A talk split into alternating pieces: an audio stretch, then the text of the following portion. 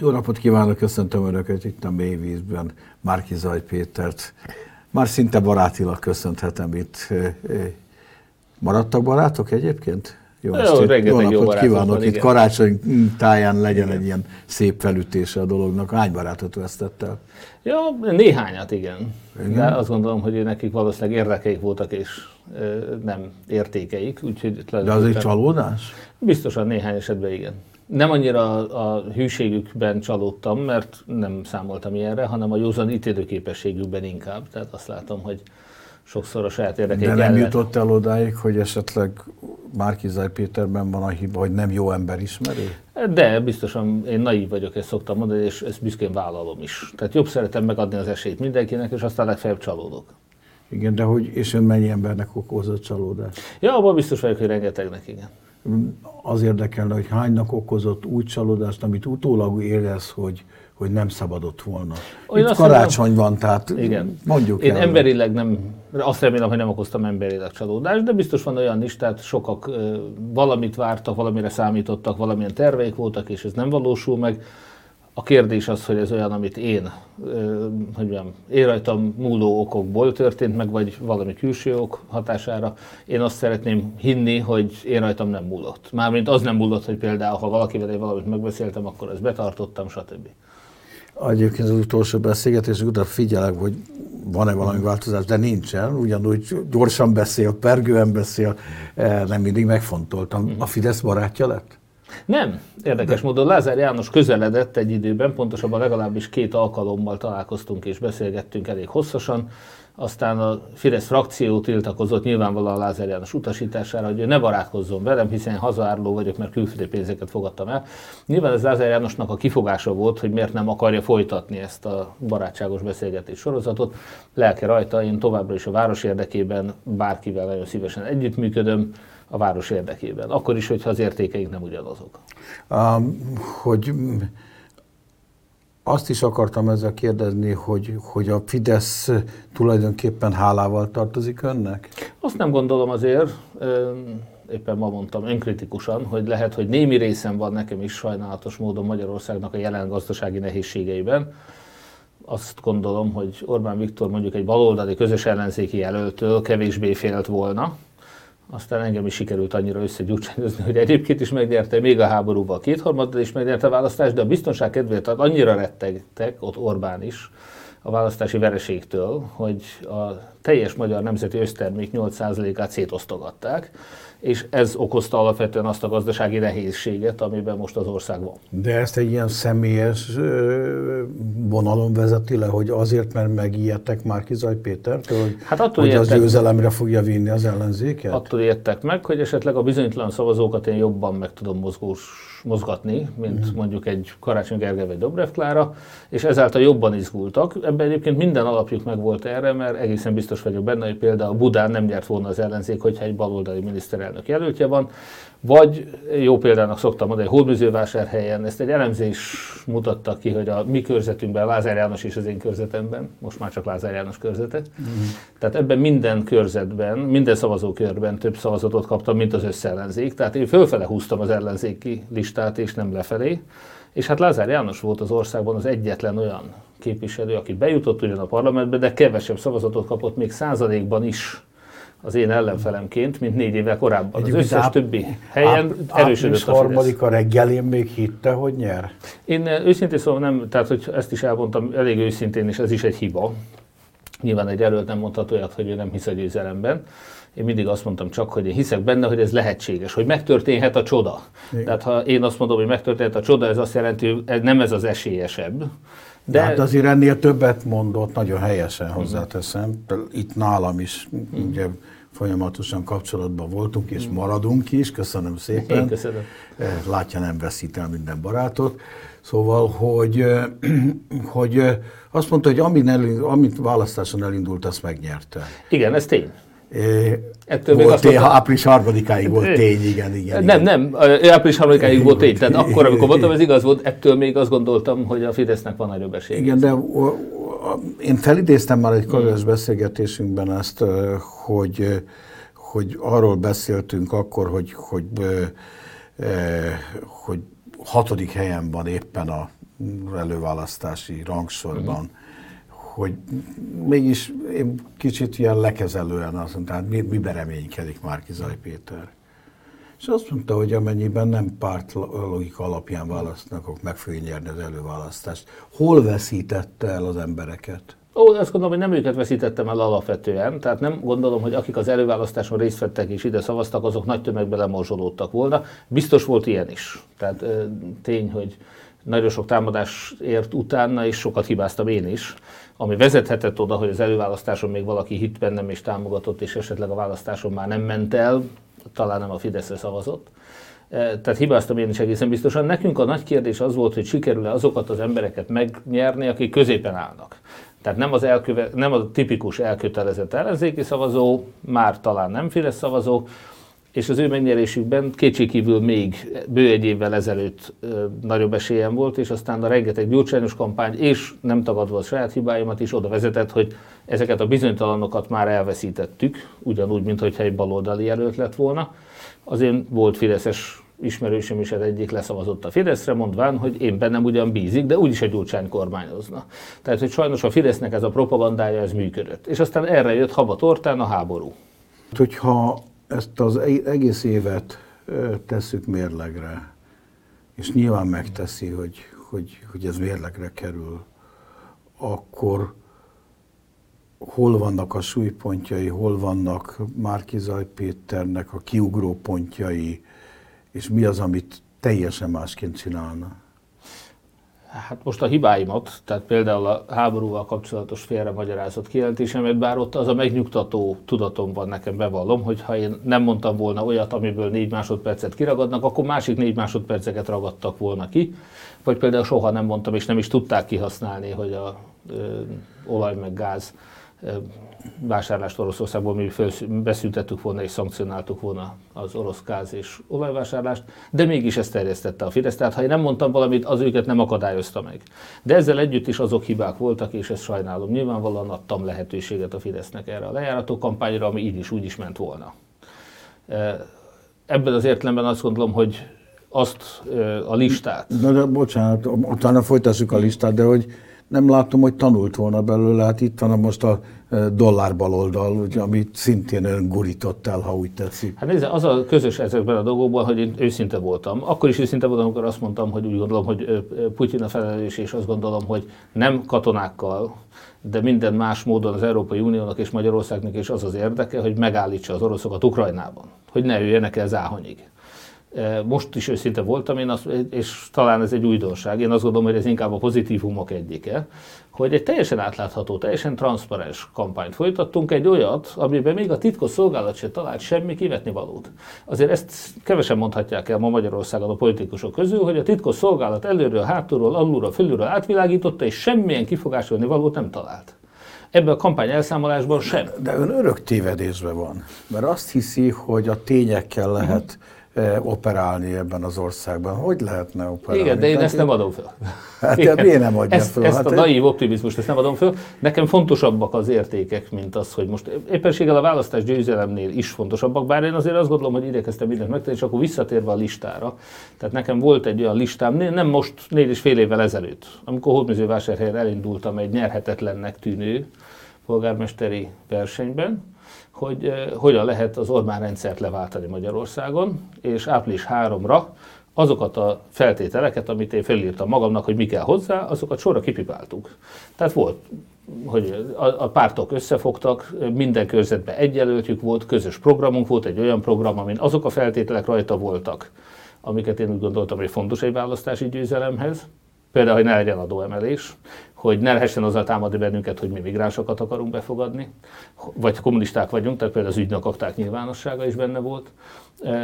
De ott volt az, hogy legyen 20 ezer önkéntes, aki ellenőrzi a választás tisztaságát minden egyes szavazókörben. Ott volt az, hogy Gyurcsány Ferenc annyira elutasított, ne legyen rajta a lista látható helyein, ne ő kampányoljon. Ezt a Fidesz megoldotta Photoshoppal természetesen, de ezzel együtt is azt gondolom, hogy amit mi logikusan le tudtunk vezetni, hogy ebben a rendszerben le lehet-e váltani egy Orbán rendszerben, Orbán szabály szerint megrendezett választáson Orbán Viktort, a feltételeket teljesítve is azt tanultuk meg, hogy nem lehet. Hogy ebben a rendszerben már Orbán Viktor a saját szabályai szerinti választásokat nem lehet leváltani. Tehát én azt gondolom, az én lelkiismeretem abból a szempontból tiszta, hogy ha hibáztam is, de nem ezen múlt a választás, azokat a feltételeket, amit kellett, azokat megteremtettük a rendszer már túl erős. Minden négy évben folyamatosan egyre erősebb lett. Egyre több médiát szereztek, egyre kevesebb teret hagytak az ellenzéknek, mindig alakítgatták a választási szabályokat. Tehát én most azt látom, hogy valami mással kell próbálkozni. Szerintem ez most majd az ellenzéki kerekasztal lesz. Ez nem egy demokrácia, nincsen demokratikus választás. Itt rendszer ellenzék van, ellenállás van.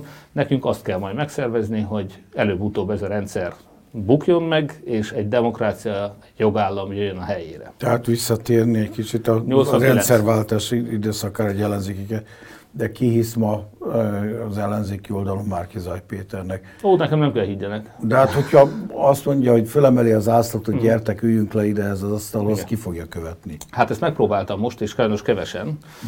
Egyébként a párbeszéd és a szocialista párt igen, azok a kis pártok, akik sokak szerint egyáltalán nem léteznek, ugyebár szociáldemokraták vagy kisgazdák, meg egy csomó civil szervezet, a magyar anyáktól a nyomtas te is, és hasonlókig, tehát ők úgy gondolom, hogy teljesen nyitottak erre a gondolatra. Az ellenzéki kerekasztalban 30 évvel ezelőtt is 30 párt és 30 civil szervezet vett részt az MSZNP-vel szemben. A nagypártokkal nagyobb gond van, én azt látom, hogy se a Jobbik, se a Momentum, se a DK nyilván nem vevő erre, elsősorban ő hármójukon múlik, de hogyha ők nem őfelség ellenzékei akarnak lenni, akik fölveszik a parlamentbe a fizetésüket, de semmi esélyük nincs leváltani Orbánt, elgondolkodnak majd, és rájönnek arra, hogy most egy választáshoz őszintén szóval nekik nem mindegy, hogy hány képviselőjük a parlamentben, de a magyar embereknek mindegy. Teljesen mindegy, hogy a DK-nak van 14 képviselője és a Momentumnak 10, vagy fordítva, attól még sajnos a benzinárak, az infláció, az egészségügy lepusztítása, az oktatás helyzetet csöppet sem fog változni.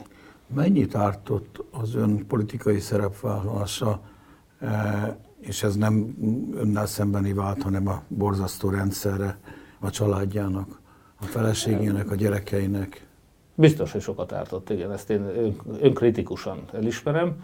Legutóbb éppen. Ez nem hiszem, hogy az ön hibája, ez az, hogy, hát hogy a rendszer hibája hogy is, rendszert meg a, nevem, a családot. Meg a nevem nagyon szerencsétlen, mert ugye ezzel a névvel elég gyorsan felismerik a legtávolabbi rokonaimat is, akik ezzel a névvel rendelkezik. Tehát biztos, hogyha Nagy Péternek hívnának, akkor a lányom teljesen inkognitóba. hogy nem azt mondta, hogy német Péternek. Járhat a inkognitóba is az egyetemre, de így azonban mindenki tudja, sőt még az unoka öcsémről is tudják, hogy az én hogy rokonom, stb. Igen, de nem válaszolt, hogy megy, szóval, tehát megsínlették lelkileg, hát, lelkileg egzisztenciálisan a felesége hmm. talán a leginkább, nem? Hát ő már évekkel ezelőtt elveszítette az állását, ugye bár mint szülésznőt őt letámadták, és kénytelen volt feladni ezt a szakmát, aztán asztalosnak tanult, és most ilyen szempontból boldog, mert ez egy szép szakma. Tehát nem Komolyan? Szok, igen, igen. Tehát egy szekrény, vagy egy, nem tudom, polc, vagy terasz tető az nem fog reklamálni, se a tulajdonos. Ő már kizajnéként szerepel? Igen, igen. De, hát de akkor nem fogja tudni eladni. Ó, de nem, hál' Istennek a termékre van kereslet. Van kereslet. Tehát azzal nincs gond. Egyelőre ő de csak hogy, hogy lesz valaki szülésznőből, családon belül dolgozik. Szülésznőből asztalos?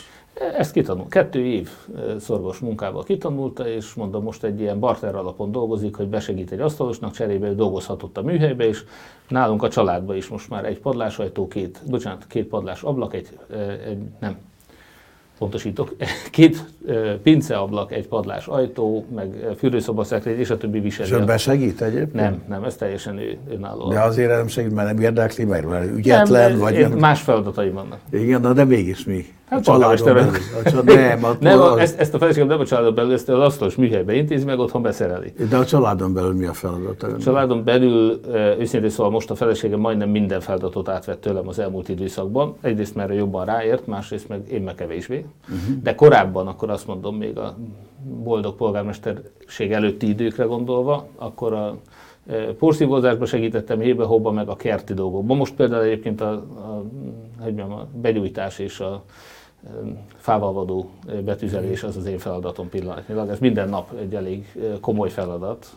Egy nagy vállás kazánunk van, amiben fával tüzelünk, és azt, De ez azt már, begyűjteni, a, az de ez A rezsicsökkentés. rezsicsökkentés, mert a gáz az 500 ezer forint lenne egy hideg téli hónapban fával, azt meg 200 ezerből kifűthető a ház. És a gyerekek hogy vészelték át ezt az időszakot? Mert gondolom, hogy, hogy nekik talán még nehezebb, mert hogy, hogy mentálisan feldolgozni azt, hogy lejáratják az apján, hogy kudarc van, hogy mutogatnak rájuk, ezt hogy, hogy, hogy tudják? Hát két szerencsénk van, az egyik az az, hogy a családunk egy nagyon összetartó család, úgyhogy nagyon édesek, aranyosak a gyerekeim. Én amúgy nem néznék foci meccset, de múltkor három fiam közé leültem én is, amikor foci meccset néztek, és jól esett este cirógatni őket, és hogy mondjam úgy összebújni, beszélgetni egy kicsit, teljesen mindegy. De, téma a, de a, a kampány alatt elhanyagolt a családja? Hát keveset voltam, sokkal kevesebbet voltam otthon, inkább így mondom. Nem keveset, de sokkal kevesebbet. És nem értem rá, tehát késő este jöttem, korán reggel mentem, tehát igen. Mi az, amit másként csinálna egyébként? Ezt nem, azt gondolom, hogy ez kellett. Tehát most ezt meg kellett próbálni, oda kellett tegyem magam, meg kellett próbálni, hogy hát ha sikerül. Ez egy... De a, a, a, a, ennek a előválasztás az utáni, a, a, a, mm, április harmadik előtti időszakban mi az, amit ha visszaforgathatnánk az időt, akkor másként csinálna? Hát mondom, ezeket a, biztos, hogy egy-két hogy Most biztos nem a nyilatkozatokra személyi, nem, személyi hanem- kérdés is volt egy-kettő, talán volt egy-két stratégiai dolog, amit lehetett volna jobban csinálni.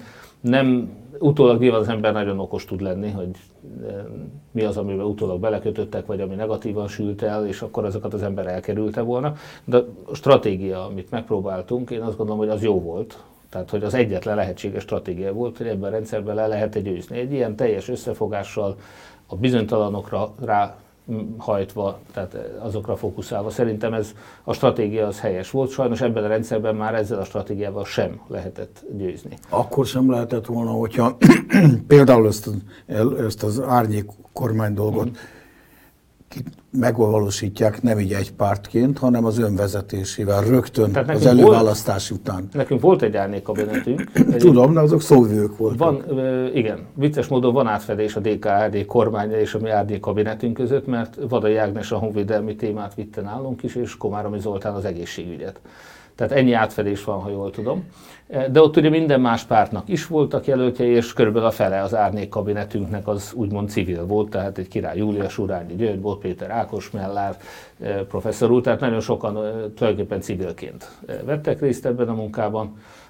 Azért nem gondoltam én, és itt lehet, hogy Orbán Viktortól is tanultam, hogy nekünk meg kellett volna nevezni egy árnyék kormányt, mert minden egyes pozícióra legalább tíz ember hajtott ebben az összellenzéki csapatban. Civilek, mert akkor hittek a győzelemben?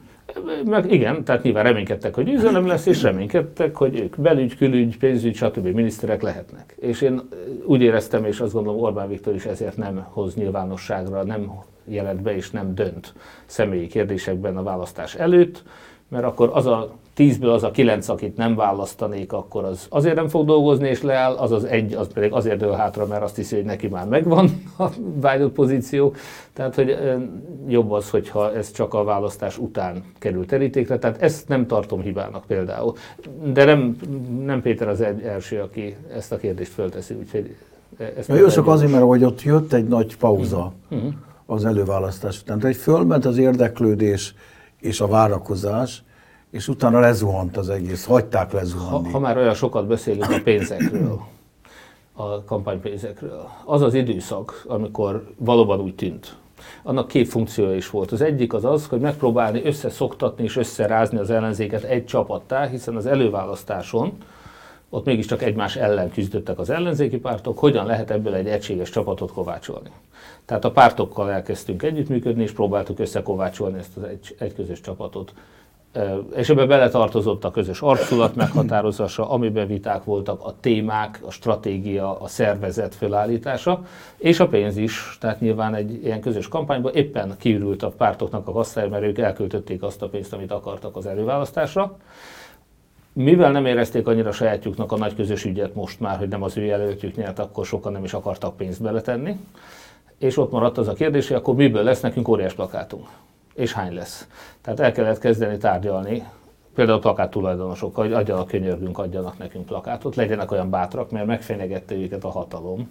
És so, nagyon sokan még, akik ígérték is, hogy adnának, azok nem mertek végül adni plakáthelyeket. És elő kellett teremteni hozzá az anyagiakat is. És, és effektíve tudja, hogy megfenyegették őket? ezt elmondta az illető, aki ezt szervezte, igen. De sosem mondaná el a Nem akarom nyilvánosan elmondani, hiszen nem. Se, annak az érdekében sem, aki panaszkodott, és annak az érdekében sem, akinek mondta. Én, én most nem akarnék belemenni, mert a múltkor megbeszéltük ezt a dollár baloldalozást. Meg, én meg... szeretek róla beszélni, rendkívül büszke vagyok, igen, rendkívül büszke vagyok arra, hogy Magyarországon az első átlátható, transzparens kampány megtörtént a magyar történelemben, amikor még a magyar titkosszolgálat se talált semmilyen más. Fillére pontosan azt az összeget találta a magyar titkosszolgálat, amit mi hónapokkal korábban bejelentettünk. az a cél egyrészt, hogy befeketítség uh-huh. ön. Ez, igen. Azon csodálkozom, de azért, mert most még polgármester is valahogy el kell távolítani ebből a lehetőségből, hogy az is maradjon? Orbán számára minden potenciális ellenfél ellenfél. Tehát ez az egyik. Ugye hát azt eltűrni, hogy valakit állandóan... Ellenfél vagy ellenség? Ellenség, bocsánat, így pontosabb, így sajnos. Igen, tehát mindenki ellenség, aki, aki valamikor is felemelte a szabát a lopás ellen, ezt tudjuk. A másik szomorú dolog, hogy az egész kultúra elleni támadás az, hogy jön egy politikus, aki nem lop eddig önfeledten mondhatták, hogy hát azok is lopnának, csak akkor nem lenne ilyen jó az ország, meg jönnének a melegek, meg a migránsok, meg a kommunisták. Hát most ugye ezt nehéz mondani, mert még egyszer mondom, még a titkosszolgálat sem talált semmilyen bűncselekményt, tehát innentől kezdve ez... ez... Egyébként, ha ta, tehát kutattak ön után, szerették Persze. volna befeketíteni? Ha, még hogyne, eb... hogyne, tehát hogyne. ha nem adja ön ezt az ígyszert, hogy Nyugat, Egyesült Államokból kapott kampányhoz pénzt, akkor, akkor nem találnak semmit, de miközben kerestek korábban is. Meggyőződésem szerint nem volt még olyan kampány Magyarországon, hogy ne, ne jött volna külföldről valamiféle forrás, valamelyik párthoz, és a többi, és ez a Fidesz az biztosan nem kivétel. Évtizedeken keresztül soros pénzelte a Fideszt. Mm. Tehát, hogyha valahol jött külföldi pénz bizonyítottan, az a Fidesz. Ugye mi nem vagyunk párt, tehát nálunk hál' Istennek a jogszabályok lehetővé tették azt, hogy egyébként külföldi magyarok elmondásuk szerint, hogyha nem magyarok lettek volna, nem magyar állampolgárok lettek volna, az sem lett volna törvénybe ütköző. De ráadásul egyelőre a titkosszolgálat még azt se tudta bebizonyítani, hogy nem magyar állampolgárok pénze lett volna ebbe a kampány támogatásban. Mit láttak önben egyébként, akik adták a pénzt? Hát nyilvánvalóan azt nézték, hogy Orbán Viktort hogyan lehet leváltani, és hogyan lehet egy olyan kultúrát Magyarországon elterjeszteni, ami a nyugati demokratikus jogállami rendszerekkel összhangban van. E, nem az én személyes érdemem az, bevallom őszintén, hogy az Action for Democracy e, a mi mozgalmunkat támogatta, hanem ők azt látták, hogy mi vagyunk Magyarországon a legalkalmasabbak, legjobb pozícióban arra, hogy ezt a kampányt, ezt koordináljuk és amikor eljött április harmadika, akkor számon kérték öntől, hogy... Most kérnek számon. igen? Most, most, igen, éppen ma írta alá azt a jelentést, amit adtunk nekik, egy ilyen lezáró riport. Jelentést De magyarul nem, nem, olyan, nem olyan e, számonkérés, amelyben összeráncolt homlokkal kér, hanem egyszerűen csak kérik, hogy számoljanak el? Hát én azt, azt teljesen normálisnak érzem azt, hogyha valaki támogat valakit egy cél érdekében, akkor az elszámol a kapott pénzzel. Én ezt egyébként szintén egyedülként a magyar történelemben, ez piszkosul idegesíti még az ellenzéki pártokat és politikusokat is, még egyik sem nőtt fel ehhez a kultúrához. Mm. Egyetlen egy sem. És ő nem, ebből a pénzből saját magának semmit nem vett? Ez a lényeg. Még egy nyakkendőt Nem, egy nyakkendőt. Hát egy nyakkendőt vehettem volna, éppen nem vettem, de azt lehetett volna mondani, hogy ha ez egy, egy MMM-es kampány nyakkendő lett volna, Igen. azt is elismerem, most őszintén szóval, ami rajtam van, az szerintem mind a saját pénzemből van, de én kaptam támogatáskép ruhadarabokat, például a kabátomat, bocsánat, az kim van az autóban ugyan, de a kabátomat azt egy nagylelkű fő, az, mert miniszterelnök jelölt voltam, emiatt egy kedves támogató ajándékba adta például. Nem kabát nélkül járt korábban? Nem, de azt mondták, hogy az nem elég jól néz ki az a kabát, ami rajtam volt, és adtak egy szebb kabátot. Én nem adott annyira az öltözködésére, meg, meg de én úgy látom, hogy azért adott. Ka- kaptam egy öltényt, meg kaptam, eh, mit kaptam még? Eh, talán még egy cipőt is, ha jól emlékszem. Na jó, tehát ilyen... Eh, Óvatosan, nehogy valami újat, egy támogató, új kampányt egy építsenek. És ezt ráadásul őszintén szóval ezt nem raktam be a bevallásba még egyelőre, tehát az igazság az, hogy nem pénzbeli adomány volt, hanem kimondottan ruhát. Igen. Igen és egy 43-as vagy 44-es cipőt. De olyat is kaptam, képzelj el, olyat is kaptam, hogy ingyen valaki fotózott. vagy ingyen adott nekem, hát nem logopédia tanácsokat, de például amit nem fogadtam meg sajnos, hogy hogyan kellett volna lassabban és okosabban beszélni. Mi nem de fogadta meg egyébként? De nagyon-nagyon kedves, kiváló Igen. szakember foglalkozott velem több alkalommal, és igyekezett segíteni. Nem voltam kellően jó Minek tulajdonítja, hogy ilyen jól szerepel most, hogy én azt látom, akárhányszor találkoztunk, hogy hogy egyrészt, mint akit fölhúztak, tudja mm. mondani, és kiegyensúlyozott, boldog embernek mutatja magát, pedig biztos nem az. Hát nem vagyok boldog, őszintén szólva. A családom az minden okot megad arra, hogy boldog legyek. Van egy négy és fél hónapos unokám például. Gratulálok. És hetente egyszer látom csak, bár ez még boldogabb lennék, ha gyakrabban mm. látnám és babáznék vele.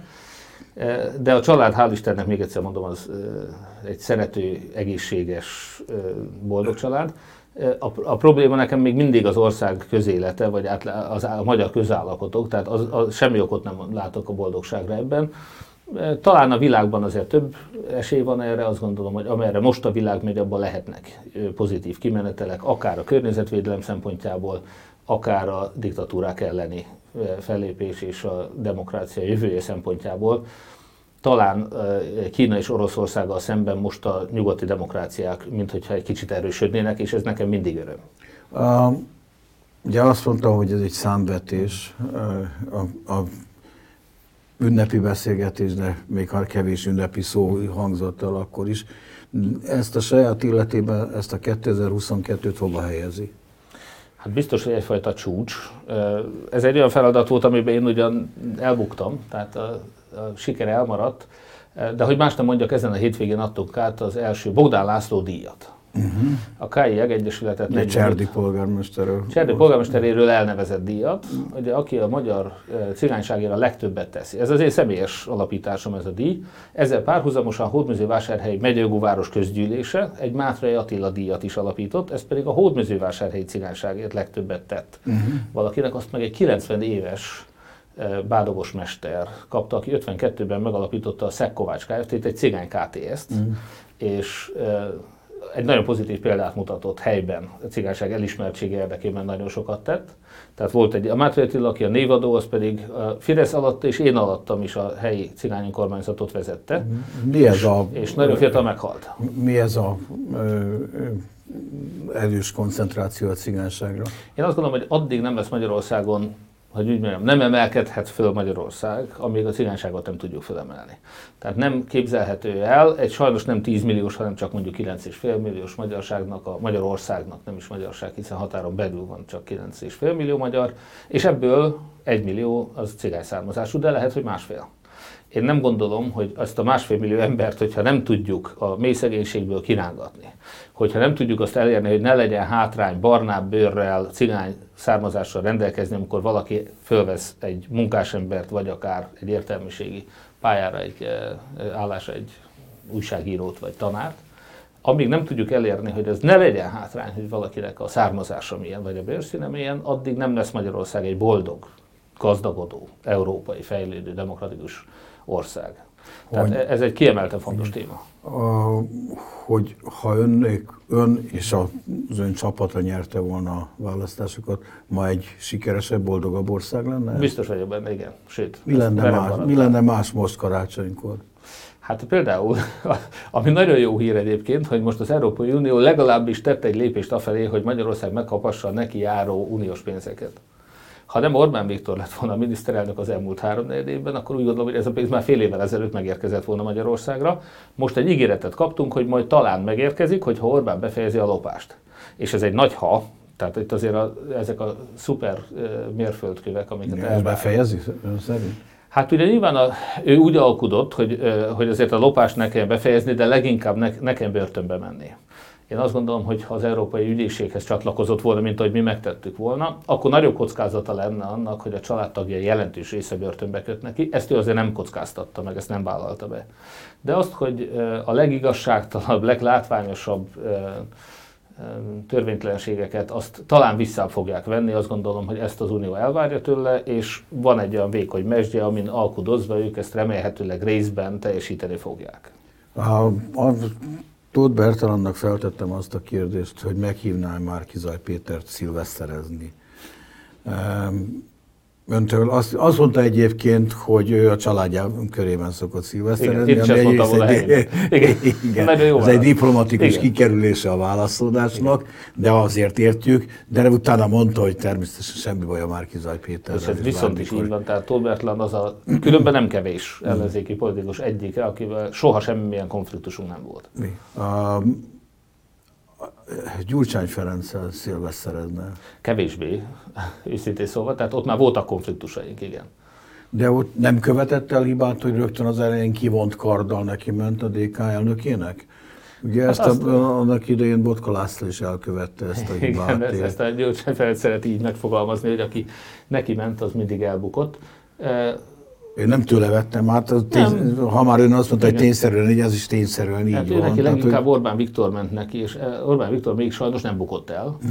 Tehát én azt látom, hogy egyenlőre Gyurcsány Ferenc egy olyan nehéz, eh, megkerülhetetlen személyiség a magyar politikában, aki sok esetben akarata ellenére természetesen, de garantálja a Fidesz győzelmét. Tehát az egyik kulcskérdés nekünk a választási kampányban éppen az volt, hogy meg tudjuk-e nyerni azokat a szavazókat, akik soha nem lennének hajlandóak Gyurcsány Ferencre vagy az ő koalíciójára szavazni nem sikerült.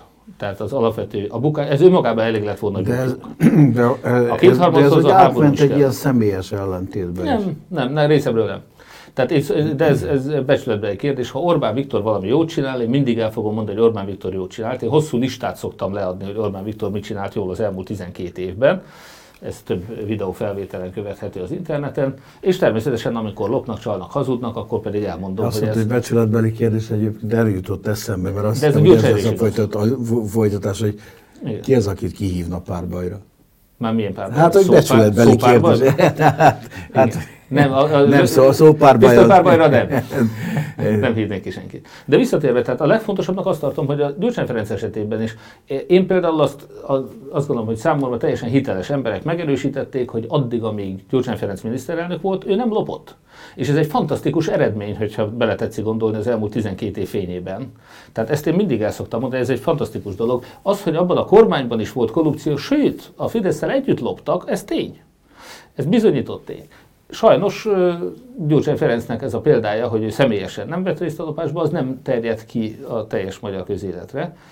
Nem is tett megérte semmit, hogy kiterjedjen. Ő bebiztosította Polt Péter helyét.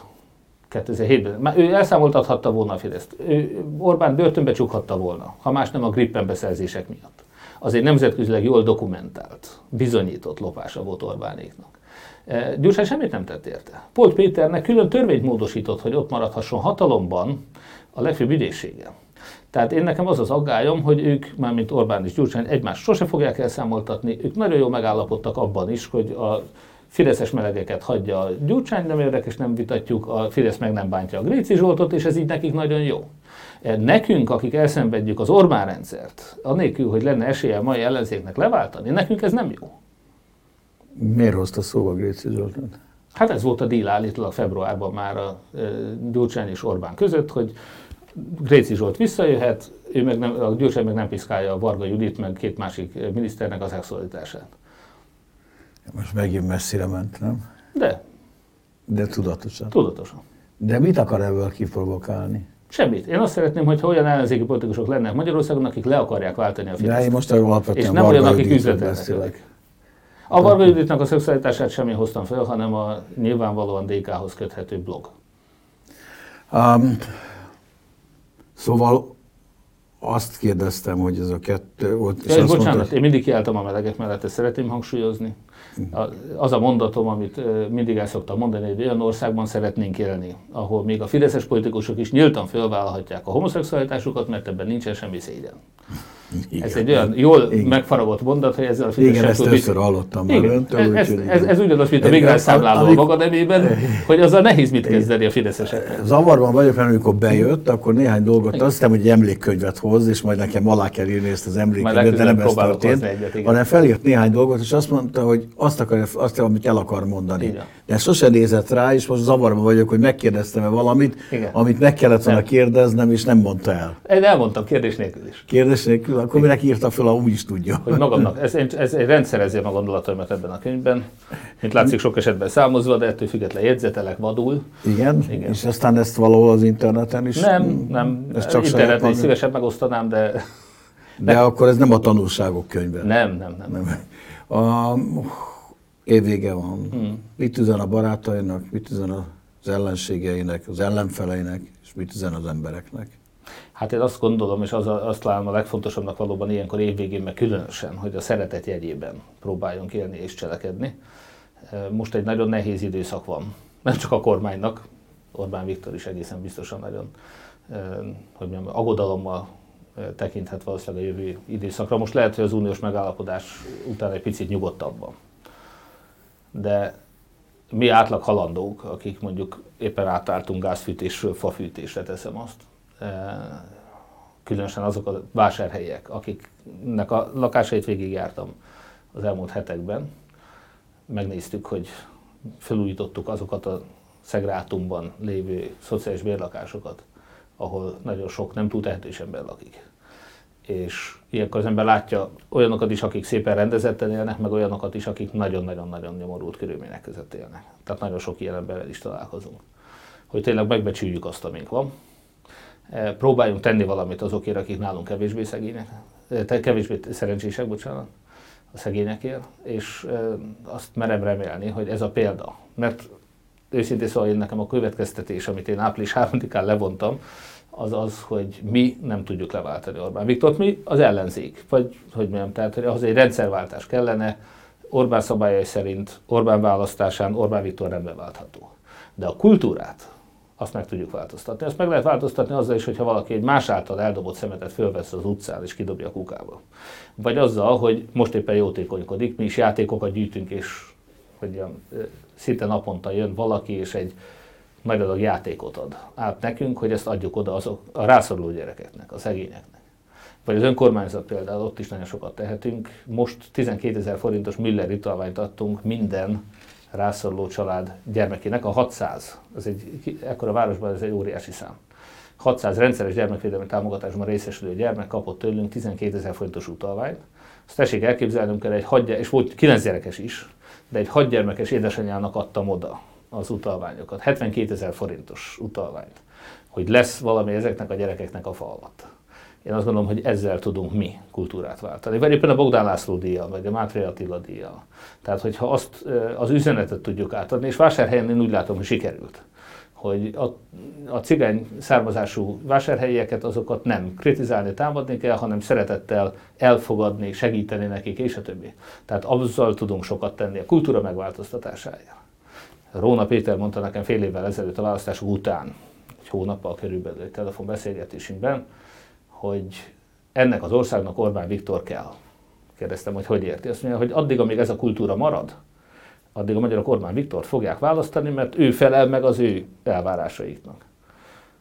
Én ebből leszűrtem, amit egyébként is talán tudni lehetett, és máig vallok, hogy nekünk ahhoz, hogy ne tolvajok uralkodjanak Magyarországon, ahhoz azt a kultúrát kell megváltoztatni, ahol elfogadjuk a gyűlöletkeltést, elfogadjuk a hazudozást, elfogadjuk a lopást.